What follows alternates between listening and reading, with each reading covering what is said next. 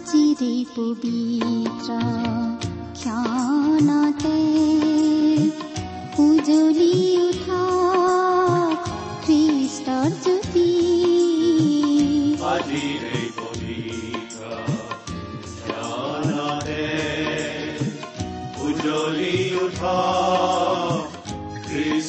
জ্যোতি আকাশ বতাহ মুখৰিত কৰি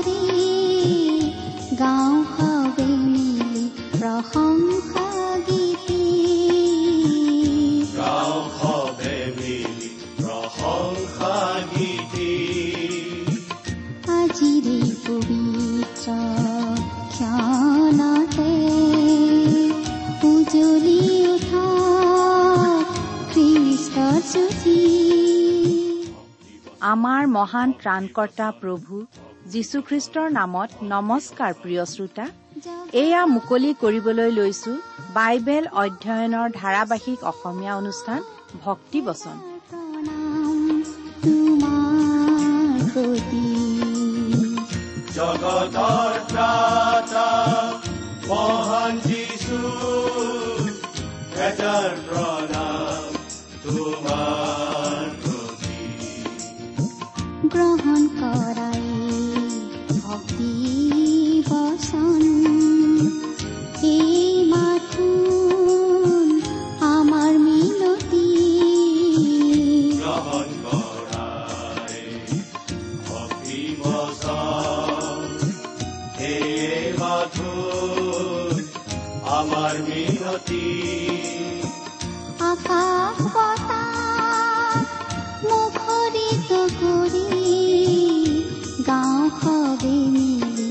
红红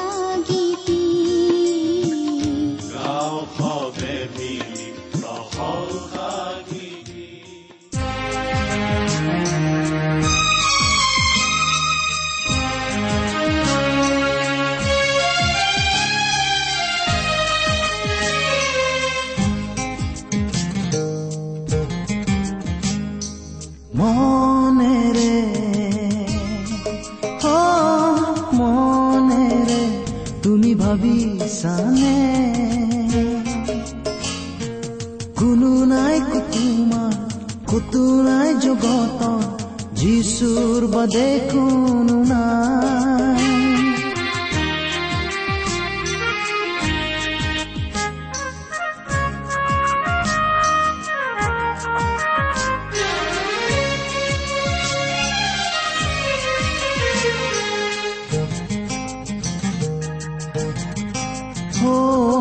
জোর তনে না কাকু প্রেমর বাখ নুবুজে কোনো নুশুনে কোনো হিয়াৰ কান্দো নুবুজে চকুলো কোনোৱে মোৰ কাহ তোমাৰ ঈশ্বৰ বাদে কোনো নাই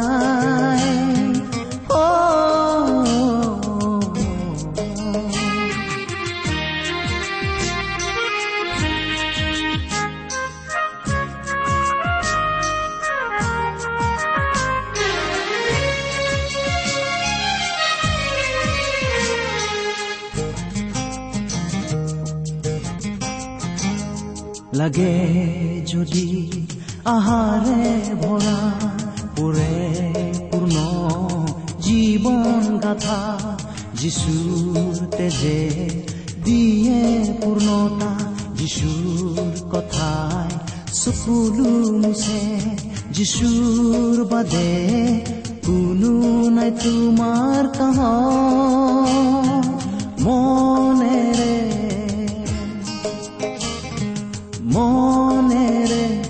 তুমি ভাবিছানে? কোনো নাই তোমাৰ কতো নাই জগতৰ যিচুৰ বাদে কোনো নাই। আমাৰ পৰম পবিত্ৰ প্ৰভু যীশুখ্ৰীষ্টৰ নামত নমস্কাৰ প্ৰিয় শ্ৰোতা। আশা কৰো মহান পিতা পৰমেশ্বৰৰ মহান অনুগ্ৰহত আপুনি ভালে কুশলে আছে। লগতে এই বুলিও আশা কৰিছো যে আপুনি আমাৰ এই ভক্তিবচন অনুষ্ঠানটো নিয়মিতভাৱে শুনি আছে। প্ৰিয় শ্ৰোতা এই অনুষ্ঠান শুনি আপুনি কেনে পাইছে আমালৈ চিঠি লিখি জনাবচোন? আপোনালোকৰ পৰা চিঠি পত্ৰ পাবলৈ আমি আগ্ৰহেৰে বাট চাওঁ। আমাৰ যোগাযোগৰ ঠিকনাটো হয়তো আপোনাৰ মনত আছে তথাপি আকৌ এবাৰ কৈ দিছো। ভক্তিবচন টি ডাব্লিউ আৰ ইণ্ডিয়া ডাক পাকচ নম্বৰ সাত শূন্য গুৱাহাটী সাত আঠ এক শূন্য শূন্য এক। ঠিকনাটো আৰু এবাৰ কৈছো ভক্তিবচন টি ডাব্লিউ আৰ ইণ্ডিয়া ডাক পাকচ নম্বৰ সাত শূন্য গুৱাহাটী সাত আঠ এক শূন্য শূন্য এক। আহকচোন আজিৰ বাইবেল অধ্যয়ন আৰম্ভ কৰাৰ আগতে খন্তেক প্ৰাৰ্থনাত মূৰ দুৱাওঁ। স্বৰ্গত থকা অসীম দয়ালু পিতৃ ঈশ্বৰ তোমাৰ মহান নামৰ ধন্যবাদ কৰো। তুমি মহান তুমি কৰুণাময় তুমি অনুগ্ৰহৰ আকৰ। তোমাৰ অনুগ্ৰহতেই আজি আমি প্ৰভু যীশুত বিশ্বাস কৰি পৰিত্ৰাণ পাব পৰা হৈছো। তোমাক পিতৃ বুলি মাতিব পৰা হৈছো। তুমি আমালৈ যিমান অনুগ্ৰহ দেখুৱাইছা তাৰ বাবে তোমাক ধন্যবাদ দি আমি শেষ কৰিব নোৱাৰো। এতিয়া প্ৰাৰ্থনা কৰিছো তোমাৰ মহান বাক্য বাইবেল শাস্ত্ৰৰ যোগেৰে তুমি আমাক কথা কোৱা। তোমাৰ মাত আমাক শুনিবলৈ দিয়া। কিয়নো এই প্ৰাৰ্থনা আমাৰ মহান ত্ৰাণকৰ্তা প্ৰভু যীশুখ্ৰীষ্টৰ নামত আগবঢ়াইছো।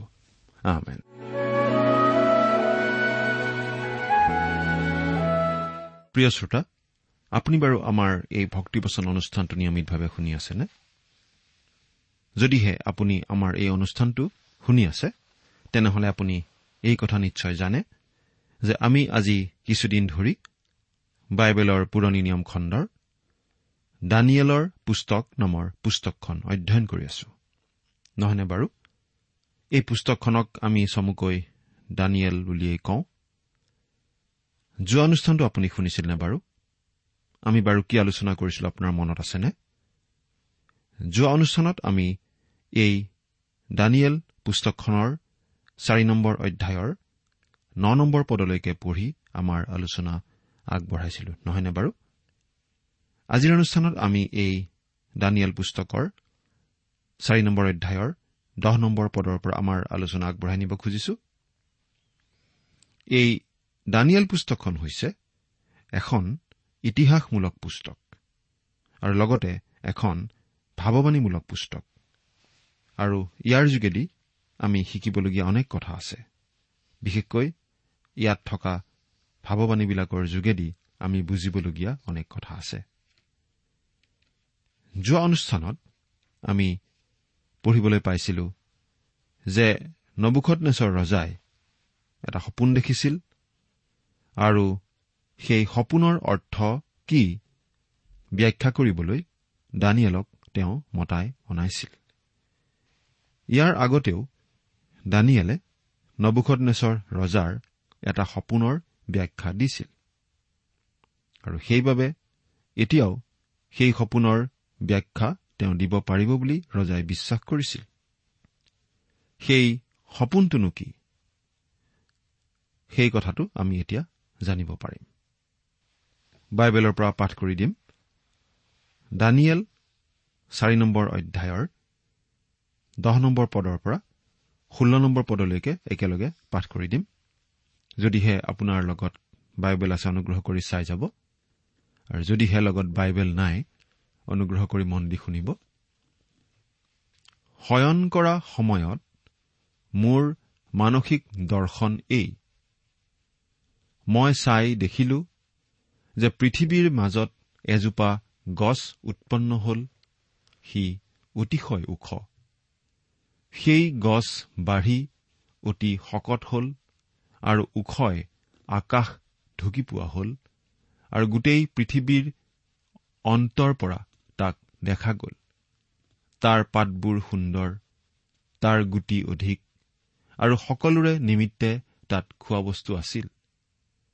তাৰ তলত বনৰীয়া জন্তুবোৰে ছাঁ লৈছিল।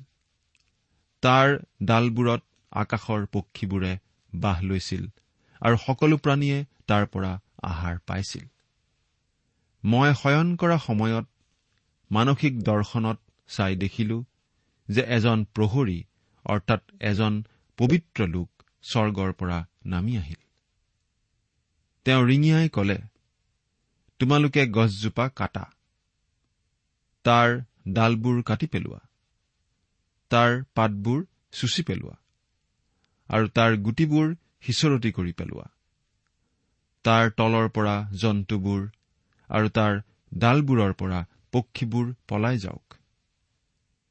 কিন্তু তোমালোকে তাৰ মূঢ়াটো লোহা আৰু পিতলৰ শিকলিৰে বান্ধি মাটিত পথাৰৰ কুমলীয়া ঘাঁহৰ মাজত ৰাখা। সি আকাশৰ নিয়ৰত তিতক। আৰু পশুবোৰৰ লগত পৃথিৱীৰ ঘাঁহত তাৰ ভাগ হওক।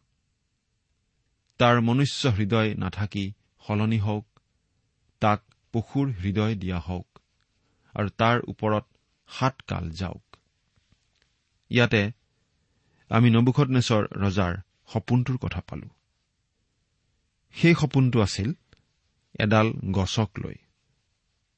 এডাল অতি প্ৰকাণ্ড গছ। সেই গছডাল প্ৰকাণ্ড গছডাল বাঢ়ি বাঢ়ি গৈ যেন আকাশ সেঁচুব গছডালে যেনিবা গোটেই পৃথিৱীখনকহে আগুৰি পেলাব। এনেকুৱা প্ৰকাণ্ড গছ।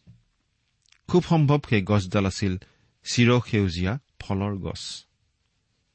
সকলোৱে সেই গছৰ ফল খাইছিল।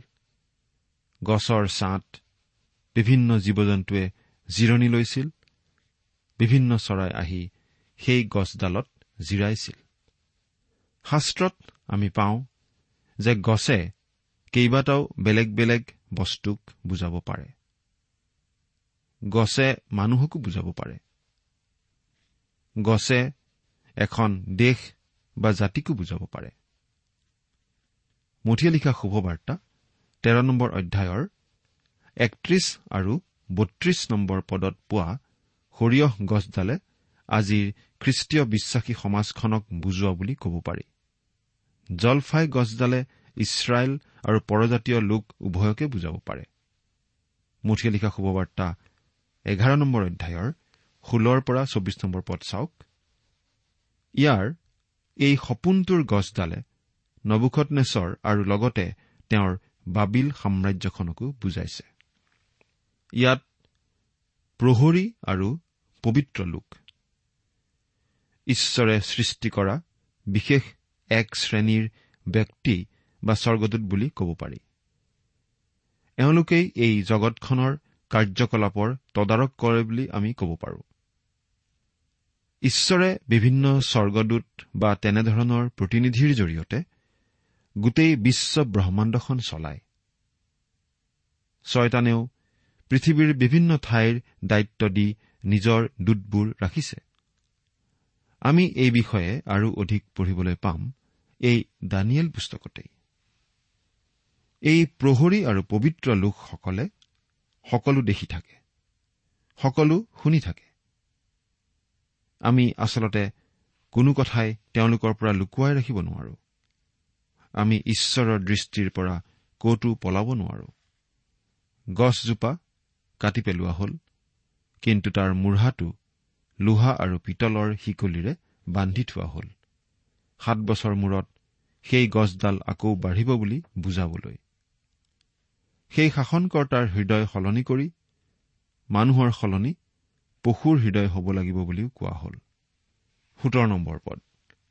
মনুষ্যবিলাকৰ ৰাজ্যত সৰ্বোপৰি জনাই যে শাসন কৰে আৰু যাকে তাক দিবলৈ ইচ্ছা কৰে তাকে তাক দিয়ে আৰু মানুহবিলাকৰ মাজত অতি নিজ লোককো তাৰ ওপৰত নিযুক্ত কৰে। এই সকলোকে জীয়াই থকা লোকবিলাকে জানিবৰ নিমিত্তে প্ৰহৰীবিলাকৰ আদেশেৰে এই দণ্ডাজ্ঞা হৈছে আৰু পবিত্ৰবিলাকৰ বাক্যেৰে এই হুকুম হৈছে। নবুখনেশ্বৰ ৰজাৰ সপোনটোৰ পৰা আমি বিশেষভাৱে তিনিটা কথা শিকিব পাৰোঁ। প্ৰথমটো হৈছে মনুষ্যবিলাকৰ ৰাজ্যত সৰ্বোপৰি জনাই শাসন কৰে। প্ৰিয় শ্ৰোতা যদিহে আপুনি ভাবিছে যে ঈশ্বৰে তেওঁৰ কামৰ পৰা অৱসৰ ললে আৰু এই বিশ্ব ব্ৰহ্মাণ্ডখন চলাবলৈ তেওঁ এৰি দিলে তেন্তে সেইটো ভুল ধাৰণা। এই বিশ্ব ব্ৰহ্মাণ্ডখন তেওঁৰ হাতৰ পৰা এৰাই যোৱা নাই। ঈশ্বৰেই গোটেই বিশ্ব ব্ৰহ্মাণ্ডৰ নিয়ন্ত্ৰণকৰ্তা। আচলতে তেওঁৰেই শাসন চলি আছে। তেওঁৰ অনুমতি নোহোৱাকৈ একো ঘটিব নোৱাৰে। তেওঁৰ অজ্ঞাতে একো ঘটিব নোৱাৰে। এজন মানুহে মন্তব্য কৰিছিল বিভিন্ন বিষয়বোৰ জিনত উঠি আছে আৰু সেইবোৰে মানৱ জাতিক চলায়। কিন্তু তেওঁৰ এই মন্তব্য ভুল। আচলতে কোনোবা এজনেহে জিনত বহি আছে আৰু তেওঁহে এই জগতখনৰ প্ৰকৃত নিয়ন্ত্ৰণকৰ্তা। গীতমালা দুই নম্বৰ গীতৰ চাৰিৰ পৰা ছয় নম্বৰ পদলৈকে পঢ়িম। শুনিবচোন। স্বৰ্গৰ সিংহাসনত বহি থাকোতা জনাই হাঁহিছে। প্ৰভুৱে তেওঁবিলাকক বিদ্ৰূপ কৰিছে। শেষত তেওঁ তেওঁবিলাকৰ আগত কোপেৰে কথা কৈছে। আৰু তেওঁবিলাকক জ্বলন্ত ক্ৰোধেৰে ব্যাকুল কৰিছে। ময়েই মোৰ পবিত্ৰ চিউন পৰ্বতত মোৰ ৰজাক স্থাপন কৰিলো। ঈশ্বৰে কৈছে এই জগতক লৈ তেওঁৰ যি আঁচনি তেওঁৰ যি পৰিকল্পনা সেই আঁচনি সেই পৰিকল্পনা মতে তেওঁ কাম কৰি গৈ আছে। আজি তেওঁ ছয়তানক অতি জঘন্য চক্ৰান্ত চলাবলৈও অনুমতি দি আছে। কিন্তু এটা বিশেষ কাৰণত। আজি আচলতে ঈশ্বৰে তেওঁ সৃষ্টি কৰা সকলো সৃষ্টিৰ আগত কিবা এটা প্ৰদৰ্শন কৰি আছে। আচলতে ছয়তানৰ বিষয়ে বহুতে বহু ধৰণৰ কথা কয় আৰু তাৰে বহুখিনি কথাই শাস্ত্ৰসন্মত নহয়। জাতি আৰু দেশসমূহৰ উত্থান হয়। জাতি আৰু দেশসমূহৰ পতনো হয়। তাৰ দ্বাৰা ঈশ্বৰে এই কথা দেখুৱায় যে আচলতে সকলোবোৰৰ ওপৰত ঈশ্বৰৰ নিয়ন্ত্ৰণহে চলে। আমি কোনোখন দেশেই বা কোনো এটা গোষ্ঠীয়েই ঈশ্বৰৰ বিশেষ মৰমৰ বুলি দাবী কৰিব নোৱাৰো। আচলতে গোটেই পৃথিৱীখনৰ সকলো জাতি সকলো দেশৰ অৱস্থা একেই। সকলো এটা অভিশাপৰ অধীনত আছে। এদিন গোটেই জাতিসমূহৰেই বিচাৰ হ'ব। বিভিন্ন শাসনকৰ্তা আহিব আৰু যাব কিন্তু ঈশ্বৰৰ নিয়ন্ত্ৰণ চলি থাকিব। তেওঁ সাৰ্বভৌম। তেওঁ কাৰো কথামতে চলিব নালাগে। দ্বিতীয় কথাটো হৈছে যাকে তাক দিবলৈ ইচ্ছা কৰে তাকে তাক দিয়ে। আপুনি হয়তো ভাবিব পাৰে যে আমিহে আমাৰ প্ৰতিনিধিবিলাকক নিৰ্বাচন কৰি তেওঁবিলাকৰ হাতত শাসন ক্ষমতা দিওঁ। আচলতে সকলোৱে তেনেদৰেই ভাবে। বহুতে নিজকে ৰজা ভঙা পতা কৰা অধিকাৰ থকা লোক বুলিও ভাবে। কিন্তু ঈশ্বৰে বিভিন্ন ৰাজ্য বিভিন্ন শাসকসকলক নিজৰ ইচ্ছামতে আচলতে ভঙা পতা কৰে। এই কথা শুনি কোনোবাই হয়তো গৰ্ব কৰি ক'ব পাৰে। তেনেহলে মই ঈশ্বৰৰ ইচ্ছা অনুসৰি এই বিশেষ ক্ষমতাত অধিষ্ঠিত হৈ আছো? অতীতৰ বহুতো ৰজা মহাৰজাই তেনেদৰে ভাবিছিল। তেওঁলোকে নিজকে ঈশ্বৰৰ প্ৰতিনিধি বুলি ভাবিছিল। আৰু ঈশ্বৰৰ হৈ পৃথিৱীত শাসন চলাই থকা বুলি তেওঁলোকে আত্মসন্তুষ্টি লভিছিল। কিন্তু এই কথাটো আমি গ্ৰহণ কৰি ল'ব নালাগে। ঈশ্বৰেহে তেওঁলোকক সেই বিশেষ সময়ত সেই বিশেষ ক্ষমতাত অধিষ্ঠিত কৰে। তেওঁলোকৰ নিজৰ একো নাই। পাচনি পৌলে এনেদৰে কৈছে ৰুমিয়া তেৰ নম্বৰ অধ্যায়ৰ এক নম্বৰ পদ। প্ৰত্যেক প্ৰাণী ক্ষমতা পোৱাবিলাকৰ বশীভূত হওক। কিয়নো ঈশ্বৰৰ পৰা নহলে কোনো ক্ষমতা নাই। আৰু যি যি আছে সেইবোৰ ঈশ্বৰৰ দ্বাৰাই নিৰূপিত। এতিয়া প্ৰশ্ন হ'ল ঈশ্বৰে কিছুমান সময়ত কিছুমান লোকক বা জাতিক কিয় পৃথিৱীত আধিপত্য চলাবলৈ দিয়ে? তৃতীয় কথাটো আমি পাওঁ এনেদৰে মানুহবিলাকৰ মাজৰ অতি নিজ লোককো তাৰ ওপৰত নিযুক্ত কৰে। এই মন্তব্যটোৱে আচলতে শাসনত থকা আৰু শাসন পাবলৈ ইচ্ছা কৰি থকা আনকি সকলো মানুহকেই নম্ৰ কৰা উচিত। যদি আপুনি ভাবে যে আমি সকলোতকৈ ভাল সকলোতকৈ শ্ৰেষ্ঠ মানুহজনক শাসনত বহুৱাওঁ আপুনি নোৱাৰিব পাৰে।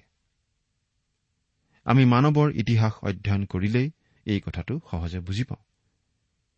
এই পৃথিৱীত এতিয়ালৈকে অতি জঘন্য বৰ্বৰ মাতাল ব্যভিচাৰী প্ৰকৃতিৰ লোক। ৰজা আৰু শাসনকৰ্তা পদত অধিষ্ঠিত হৈ গৈছে। এনেকুৱা কিছুমান লোক এই পৃথিৱীত ৰজা হৈ গৈছে যিবিলাকৰ কথা আমি ভাষাৰে বৰ্ণনা কৰিব নোৱাৰো। আমি এই কথা মন কৰা উচিত যে ঈশ্বৰে অতি নিজ লোককো শাসনকৰ্তা পাতে। আৰু আচলতে আমি যেনেকুৱা শাসনকৰ্তা পোৱাৰ উপযুক্ত তেনেকুৱা শাসনকৰ্তাই আমি পাওঁ। অৰ্থাৎ বহু সময়ত আমালৈ অভিশাপ স্বৰূপে ঈশ্বৰে মাজে মাজে বেয়া শাসনকৰ্তা আমাক দিয়ে। আমি আমাৰ চলাওঁতা নেতাসকলৰ বিষয়ে আপত্তি কৰি লাভ নাই কাৰণ আমাৰ নিচিনাই তেওঁলোক। আমি নিজে যেনেকুৱা তেনেকুৱা শাসকেই আমি পাওঁ। এই কথাটো জানি বুজি আমি সকলো লোক নম্ৰ হোৱা উচিত। আমি কোনোবা যদি উচ্চ পদবীত আছো তাৰ মানে আমি আনতকৈ ভাল বুলিও ভাবিব নালাগে কাৰণ ঈশ্বৰে অতি নিজ লোককো শাসনত বহুৱাব পাৰে। এই বাক্যশাৰীয়ে আমাক নিশ্চয় আমনি দিব কিন্তু ঈশ্বৰে এনেদৰে জনাই দিছে বাবেই আমি কথাখিনি উল্লেখ কৰিব লগা হৈছে। আৰু এই কথা সঁচা বুলি আমাক ইতিহাসে প্ৰমাণ দিছে। নবুখত নেচৰ ৰজাই সপোনত দেখা সেই বহু ধাতুৰে নিৰ্মিত মূৰ্তিটোৰ সোণৰ মূৰ আছিল তেওঁ নিজে।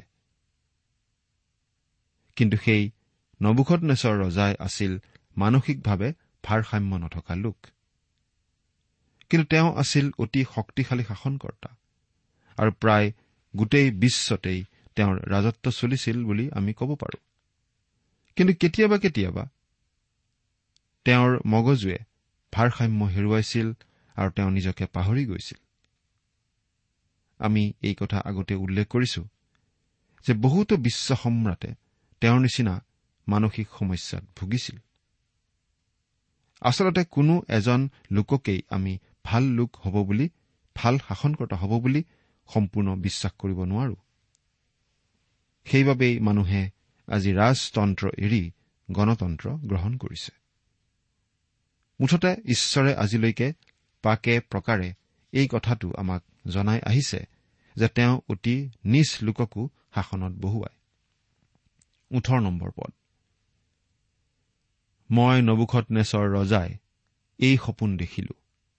এতিয়া হে বেলচেছৰ তুমি ইয়াৰ ফলিতা কোৱা। কিয়নো মোৰ ৰাজ্যত থকা কোনো বিদ্বান লোকে মোক ইয়াৰ ফলিতা ক'ব পৰা নাই কিন্তু তুমি ক'ব পাৰিবা কিয়নো তোমাৰ অন্তৰত পবিত্ৰ দেৱতাবিলাকৰ আত্মা আছে।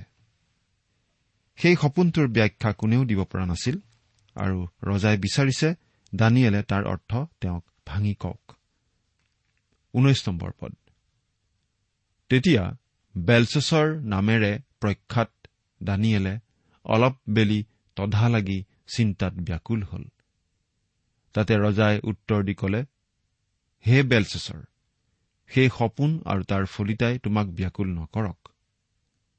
বেলচেছৰে উত্তৰ দি কলে হে মোৰ প্ৰভু আপোনাক ঘীন কৰোতাবোৰলৈ এই সপোন আৰু আপোনাৰ বৈৰীবোৰলৈ ইয়াৰ ফলিতা হওক।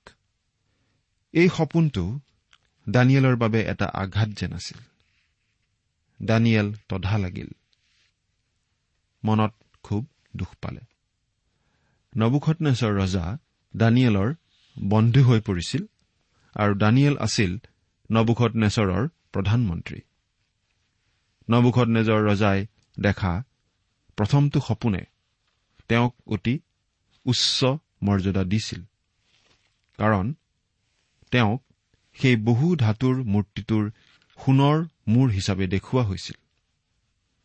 কিন্তু এই সপোনটোৱে নবুখত নেচৰ ৰজাক অতি হীন অৱস্থাত দেখুৱাইছে। এই সপোনটো ইমান বেয়া আছিল যে ইয়াৰ ব্যাখ্যা আগবঢ়াবলৈ দানিয়েলে সংকোচ কৰিছিল। গোটেই কথাখিনি ব্যাখ্যা কৰি কোৱাৰ পৰা বিৰত থাকিবলৈ দানিয়েলৰ নিশ্চয় মন গৈছিল। তেওঁ মুখ মেলা নাছিল। কিন্তু নবুখত নেজৰ ৰজাই তেওঁক কথা কবলৈ অনুৰোধ কৰিছিল। যদিও কথাখিনি কোৱাৰ পৰা বিৰত হবলৈ দানিয়েলৰ মন গৈছিল তথাপি নবুখত নেচৰৰ পৰা কথাখিনি তেওঁ নুলুকুৱালে। তেওঁ ৰজাৰ আগত গোটেই সপোনটোৰ সম্পূৰ্ণ ব্যাখ্যা আগবঢ়াবলৈ আগবাঢ়িল। এনে এটা প্ৰশ্ন প্ৰায়েই উঠে যে এজন ডাক্তৰে কোনো ৰোগী যদি অতি ভয়ংকৰ ৰোগত ভুগি থাকে সেই ৰোগীক সেই ৰোগটোৰ কথা ক'ব লাগে নে নাই? আমি ভাবো কোনো এজন মানুহ যদি মৃত্যুৰ দুৱাৰদলিত থিয় হৈ আছেহি তেনেহলে সেই কথাটো তেওঁ জনা উচিত। যদিহে আনে ইতিমধ্যেই সেই কথাটো গম পাইছে। এজন বিখ্যাত বাইবেল পণ্ডিতে তেওঁৰ এটা অভিজ্ঞতাৰ কথা এনেদৰে কৈছিল। তেওঁ কৈছিল মোৰ ডাক্তৰজন খ্ৰীষ্টিয়ান আছিল। মোৰ কেঞ্চাৰ হোৱা বুলি তেওঁ জনাইছিল আৰু সেই কথাটো মই শুদ্ধভাৱেই গ্ৰহণ কৰিছিলো। তেওঁ কৈছিল মহাশয় মই আপোনাক আচল কথাটো কম। নহলে আপুনি মোক আৰু কেতিয়াও বিশ্বাস নকৰিব। ডাক্তৰজনৰ সেই কথা মই আদৰ কৰিছিলো। দানিয়েলেও নবুখত নেচৰৰ আগত কথাবোৰ কবলৈ আগবাঢ়িছে অতি সাৱধানে। তেওঁ অলপ কৌশল কৰি কথাখিনি কলে। তেওঁ জনালে যে সপোনটোৰ ভাল দিশটো নবুখত নেচৰ ৰজাৰ শত্ৰুবোৰৰ বাবেহে। বিছৰ পৰা বাইছ নম্বৰ পদ। আপুনি দেখা যি গছ বাঢ়ি শকত হল ওখই আকাশ ঢুকি পোৱা হল আৰু পৃথিৱীৰ সকলো ঠাইৰ পৰা তাক দেখা গ'ল যাৰ পাত সুন্দৰ আৰু যাৰ গুটি অধিক আছিল যিহত সকলোৰে নিমিত্তে খোৱা বস্তু আছিল যাৰ তলত বনৰীয়া জন্তুবোৰে বাস কৰিছিল আৰু যাৰ ডালবোৰত আকাশৰ পক্ষীবোৰে বাস লৈছিল হে মহাৰাজ সেই গছজোপা আপুনিয়েই। আপুনি বাঢ়ি বলৱান হৈছে কিয়নো আপোনাৰ মহিমা বাঢ়ি আকাশ ঢুকি পোৱা হল আৰু আপোনাৰ ৰাজত্ব পৃথিৱীৰ অন্তলৈকে হল। সপোনত দেখা সেই গছডালে বুজাই নবুখত নেচৰ ৰজাক। তেওঁ অতি শক্তিশালী হৈ উঠিছিল অতি ডাঙৰ সম্ৰাট হৈছিল। তেওঁ হৈ পৰিছিল বিশ্ব সম্ৰাট আৰু সেই সময়ৰ সভ্য জগতখন তেওঁৰ সাম্ৰাজ্যখনে চানি ধৰিছিল। ইয়াত আমি নবুখত নেজৰ ৰজাজনৰ ছবি পাওঁ লগতে সাম্ৰাজ্যখন কিমান বিশাল তাৰো উমান পাওঁ। কিন্তু সেই সাম্ৰাজ্যও এদিন জহি খহি গৈছিল। প্ৰিয় শ্ৰোতা একমাত্ৰ প্ৰভু যীশুৰ সাম্ৰাজ্যহে চিৰস্থায়ী হ'ব। সেই চিৰস্থায়ী সাম্ৰাজ্যত আপুনি বাৰু বাস কৰিবলৈ পাবনে? এবাৰ চিন্তা কৰি চাওকচোন। ঈশ্বৰে আপোনাক আশীৰ্বাদ কৰক। আমেন মই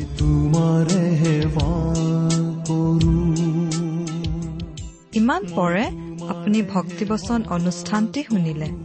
অনুষ্ঠানটি শুনি কেনে পালে আমালৈ চিঠি লিখি জনাবচোন? অনুষ্ঠানত প্ৰচাৰ কৰা কোনো কথা বুজিব লগা থাকিলেও আমালৈ লিখক। আমাৰ ঠিকনা ভক্তিবচন টি ডাব্লিউ আৰ ইণ্ডিয়া ডাক পাকচ নম্বৰ সাত শূন্য গুৱাহাটী সাত আঠ এক শূন্য শূন্য এক। ঠিকনাটো আৰু এবাৰ কৈছো ভক্তিবচন টি ডাব্লিউ আৰ ইণ্ডিয়া। ডাক পাকচ নম্বৰ সাত শূন্য গুৱাহাটী সাত আঠ এক শূন্য শূন্য এক।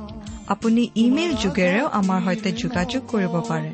আমাৰ ইমেইল আইডিটো হৈছে Assamese T TV at radio' eight eight two dot com আইডিটো আকৌ এবাৰ কৈছো Assamese T TV at radio' eight eight two dot com আপুনি টেলিফোনৰ মাধ্যমেৰেও আমাক যোগাযোগ কৰিব পাৰে। আমাৰ টেলিফোন নম্বৰটো হৈছে শূন্য তিনি ছয় এক দুই ছয় শূন্য চাৰি ছয় সাত এক। ফোন নম্বৰটো আকৌ এবাৰ কৈছো zero' three six one two six zero' four six seven one আজিৰ অনুষ্ঠানটি ইমানতে সামৰিছো। ঈশ্বৰৰ শান্তি আৰু অনুগ্ৰহ আপোনাৰ লগত থাকক। ধন্যবাদ। মই তোমাকে প্ৰেম কৰো। মই তোমাকে প্ৰেম কৰো। মই তোমাকে প্ৰেম কৰো। পিছলে উভতি নাযাওঁ।